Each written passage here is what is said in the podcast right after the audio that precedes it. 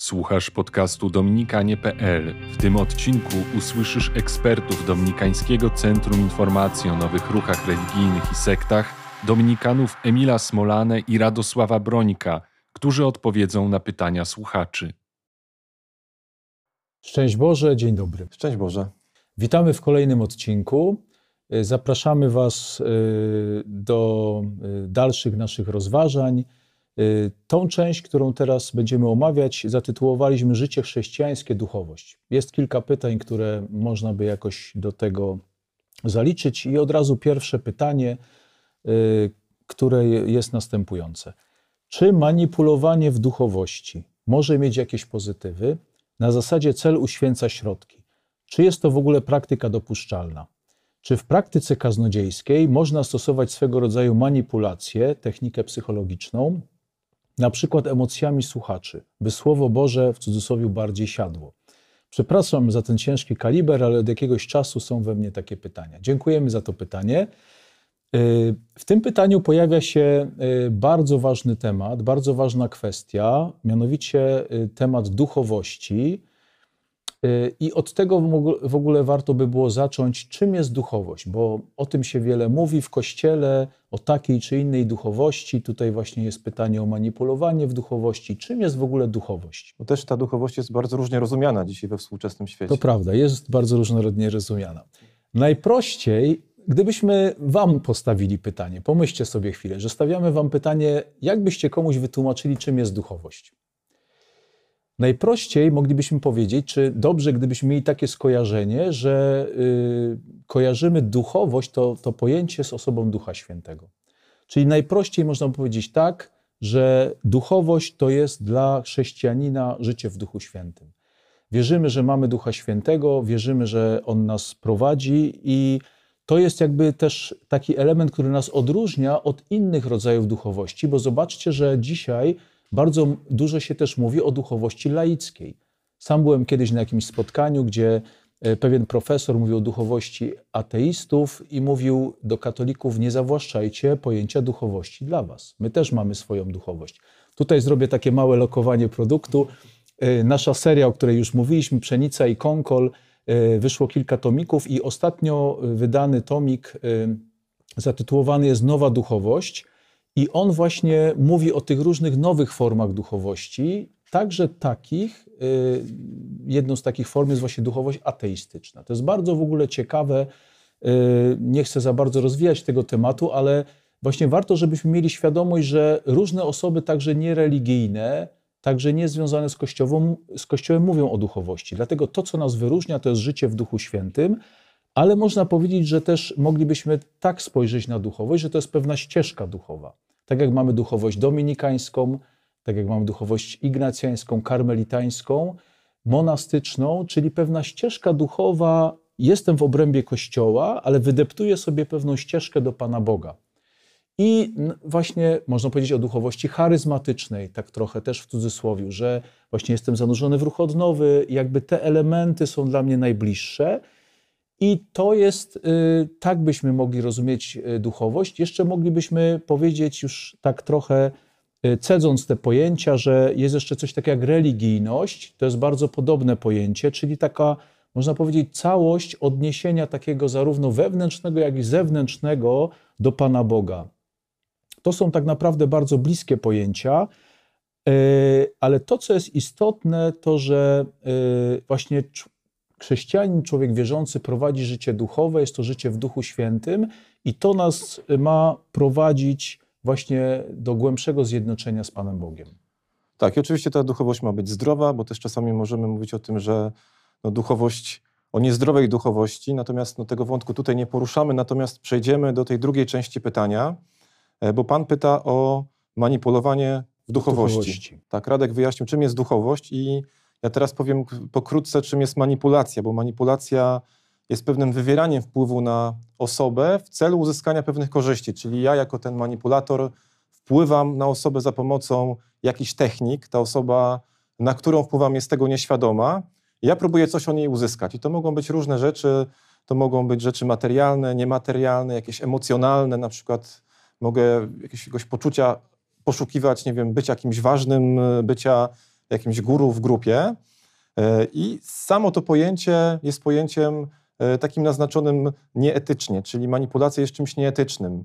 Jeżeli wiemy, że manipulacja jest czymś nieetycznym, no to jakby jasno tutaj możemy powiedzieć, że no w duchowości, w takim prowadzeniu Pana Boga do człowieka, do Pana Boga, my nigdy nie możemy działać nieetycznie. I to jest e, ta rzeczywistość, o której mówi Pismo Święte. E, pamiętamy ten fragment o drzewie, czyli że dobre drzewo rodzi dobre owoce, złe drzewo rodzi złe owoce i nigdy nie jest odwrotnie. Nigdy złe drzewo nie może zrodzić dobrego owocu. Zło rodzi zło. Nigdy nie można stosować e, w duchowości pewnych takich form, pewnych jakichś sztuczek, technik, które wiem, że są złe, bo też spotykaliśmy się z takimi grupami, w których na przykład e, liderzy dopuszczali kłamstwo.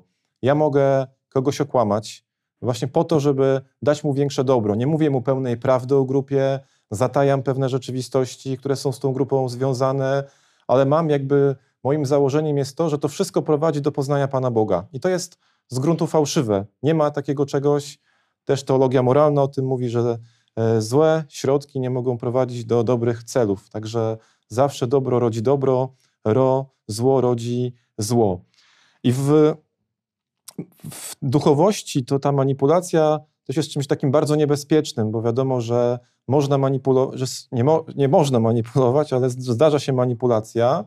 E, I w niektórych grupach też manipuluje się, manipuluje się e, Słowem Bożym. Czasami jest tak, że lider może mieć jakieś swoje treści, które chce przekazać, i to jakby to jest e, głoszenie samego siebie, głoszenie swoich pomysłów, i Pismo Święte jest używane tylko do tego, żeby te swoje pomysły jakoś podeprzeć właśnie autorytetem Pana Boga. I tutaj znowu mamy zasadę autorytetu, czyli że to jest poparte Słowem Bożym. Czasami lider może powiedzieć, że Pan Bóg domaga się e, posłuszeństwa, no i na przykład teraz na podstawie Pisma Świętego e, uzasadniać, pokazywać, że ja jestem tutaj w miejscu Pana Boga, więc jakby to posłuszeństwo takie pełne e, należy się mi samemu. Więc taki moment zafałszowywania, budowania jakiejś swojej pozycji.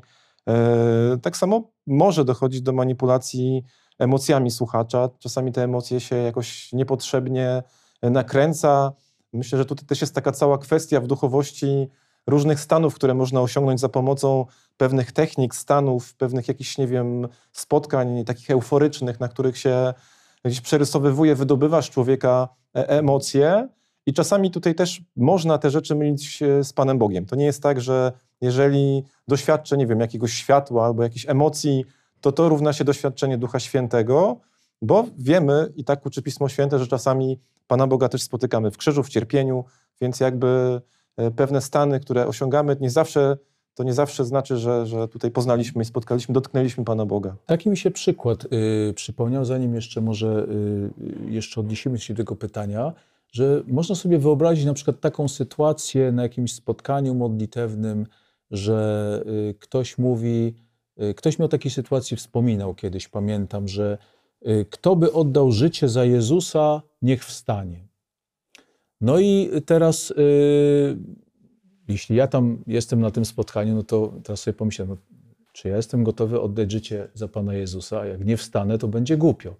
No to jest jakby taki, taki, taki element, jakby trochę takie wejście z butami w moją relację z Panem Bogiem, która, w której ja się właśnie w tej sytuacji czuję niekomfortowo i to nie chodzi o to, że, że publicznie ja mam teraz wstawać, kiedy nie mam na to ochoty. Moja relacja z Panem Bogiem jakby jest w pewnym procesie, ja dojrzewam, być może jestem albo nie jestem jakby na to gotowy, ale takich, tego typu zachowań jakby może być e, wiele. No, będziemy Mogę? zaraz tutaj Ale ja chciałbym, bo ono jest takie bardzo ważne, myślę, że też z tym się możemy spotkać, że się wtrącę, przepraszam, na spotkaniach różnych grup e, i to były nauczania o nawróceniu. I ci nauczający mówili, że nauczanie, nawrócenie zawsze zaczyna się od portfela i oczywiście później ktoś chodzi z koszykiem i, i zbiera pieniądze.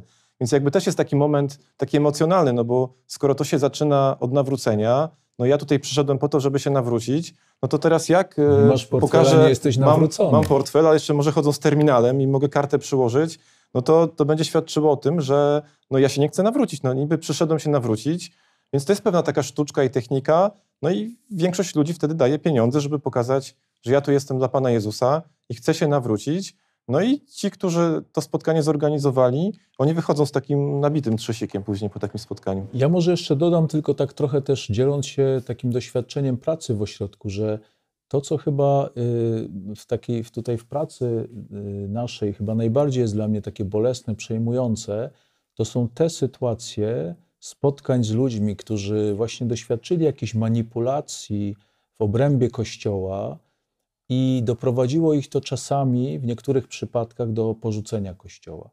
Czyli, że jak, bo jak mówimy o manipulacji, która jest związana wiem, z zakupami, z czymś takim, no to można powiedzieć, że jeszcze to tak bardzo nas, jakieś, tak, tak, tak no, bardzo są. nas jeszcze nie dotyka, ale jak jeśli wkraczamy w ten obszar życia duchowego, jeśli tutaj ktoś manipuluje obrazem Boga, jeśli ktoś tutaj wkracza jakby tak mocno w moją relację z Bogiem, w moją duchowość, to to może mieć y, katastrofalne skutki dla, dla życia Pana, Bo- z Panem Bogiem, nawet jeśli też oczywiście dla życia takiego psychofizycznego również, ale mówimy o tym takim najgłębszym wymiarze. Tak, i to, co warto podkreślić, to oczywiście istnieją też pewne etyczne sposoby takiego działania, bo wiemy przecież, że człowiek też w pewien sposób działa. Wiemy, że do człowieka trafiają obrazy, jakieś historie, że jeżeli mówimy przez pewien czas, na przykład, nie wiem, tak jak nas uczono, że tam 7 minut to jest taki czas na kazanie najlepszy, bo człowiek jest w stanie się skupić, a jak się za długo gada i na przykład jest za dużo wątków, no to to wszystko nam ucieka, mamy takie doświadczenie. Więc jak najbardziej e, z takiej wiedzy mamy korzystać, żeby rzeczywiście no, to słowo jakoś zostało przyjęte, żeby człowiek mógł sobie jakoś to wszystko tam z, przyjąć do, do, do, do I swojego nawiązując na końcu jeszcze do tego pytania, czy w praktyce kaznodziejskiej można stosować tę tę manipulację, oczywiście odpowiadamy nie, życia. Nie. a mi się przypomina tylko już kończąc takie sformułowanie, już nie pamiętam w jakim miejscu kardynała Ratzingera, który powiedział, że mamy przede wszystkim mieć świadomość, kogo głosić, a nie jak głosić. Oczywiście to jak też jest ważne, ale przede wszystkim kaznodzieja, tutaj musimy się też, no, też klepiemy się, jeśli to trzeba, czy uderzamy się w piersi, przede wszystkim powinien mieć świadomość, kogo głosi, że głosi Chrystusa, A nie siebie. y, który żyje, a nie siebie. Amen. Dziękujemy. Amen. Za Dziękujemy. Zapraszamy Boże. za tydzień. Wszystkiego dobrego.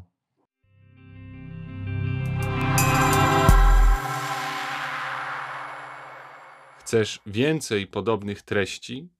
Zasubskrybuj nasz kanał.